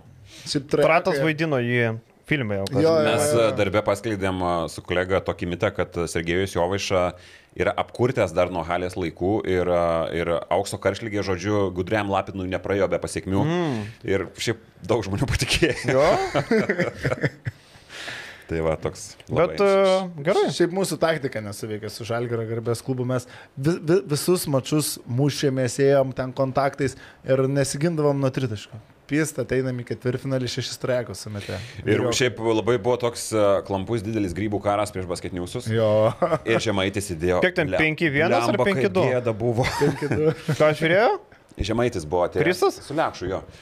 Tai, tai mes nebuvom pačios geriausios formos, šiaip mes nesam tokie jau galbūt, bet... Šiaip, O gal ir tokie. šiaip aišku, mes su basketniusais sužaidėm šiaip turbūt blogiausią savo labai Pirmas blogai. mačas su rytu, nuo kėl rytas geresni daug, bet ten kapojomės irgi, aišku, nerezultuoti. Teisingumo vardan reikia paminėti, kad ir Malinauskas prametė baudas, tai žinai, jeigu būtų sumetęs. Mes Tai... grupėse etape nei vienos baudos nebuvom pataikę iš aštuonių. Aš pataikiau vieną. Vieną? Jo. Bet čia ne ketvirtfinalį. Ketvirtfinalį, man atrodo, jau pataikėt. Mes per tris mačius visas baudas buvom prametę. Tai apie ką mes kalbam. Bet reikia paminėti, kad, tarkim, TV3 pasiėmėm, kur tikrai nebloga komandėlė buvo surinkta. Ir, Ir ir, ir Arvidas. Rimas traumą patyrė ir mum, Čia mūsų abiejų karjeros yra baigtos šiuo metu. Ai, dar nepranešė man tik tai. Tai va. Tai va. Tai-. Bet va, laimėjome prieš basketniusus, tai turėkit. Sveikatos Arvidų Rimui. E, jeigu ten trauma rimta, gal nerimta, gal, gal nieko ne. tokio. Bet skaudžiai, skaudžiai ant kelio krito. Jo. žmogus. Tie turnyrai tokie, kur ten šiaip e, Rokas ten kelią nusibrosino nestipriai, Jo, ten, jo. ten nedėkinga situacija, jeigu slystelė, viskas jau trauma. Jis nusibrozino, šiaip vyras. Sakė kraujuota. Jo, jo, Mačiau kraujukas buvo, bet tai vyras, nes nesiskundė, aš nemačiau net. vat, Bet sakau, tik Rokas, dabar, Rokas, Rokas, sužinau, Rokas su idėja, šiaip nustebino Jo, jo, iš jo. geros pusės. Blemba, ypač Rokas didelis vyras, ką tu nori. Sudarytų mes ten jį. Bizonas, bizonas, bizonas Metras visiškas. 95. Jo, Rytas jo. prisėmė kažkokių šiaip žmonių. Nu, bet ten galima juos pateisinti, nes jie sako, mes galim nebež- nežaist, nes nu, atkrito žmonės arba, sorry, pasimsim porą random žmonių. Tai aš labai net nepykstu, nu, pasiemė, tai pasiemė. Vis tiek pasikapojimo ir vis tiek jie nelaimėjo antrį liko. Treti baudos aikštelė. Nu, laimėjo kas? Deičelas, man atrodo. Didžiulas. Nes Nu, ten ten rėmėjų išrėmėjo, žurnalistų. jo, jo. buvo. Bet kurjeriai vykrus. Kurjeriai pasirodo. Bet, žinai, jie, jie turi kiek pasirinkimo iš kiek darbuotojų, iš turbūt kelių mm -hmm. šimtų. Mm -hmm. Čia šiaip spėjau, mes. Ten turėjo būt Mes iš penkių, atranka. vienintelis rezervas Edgaras likęs. Nu, tai va. O Tai. Gabrielė, Nu, atsiprašau. ai, atsiprašau. Labai Nu. atsiprašau. Būtų, būtų užpostinus prieš tišką. Gerai, viskas. Gerai. Ačiū Jums. Sustinkame po Eurolygos pusfinalio. Iki. Ate. Okay. Septyni bet. 7 bet. Lažybos. Lažybos. Septyni bet lažybos. 7 bet lažybos. Septyni bet. Nesėkmingas lošimas gali sukelti priklausomybę.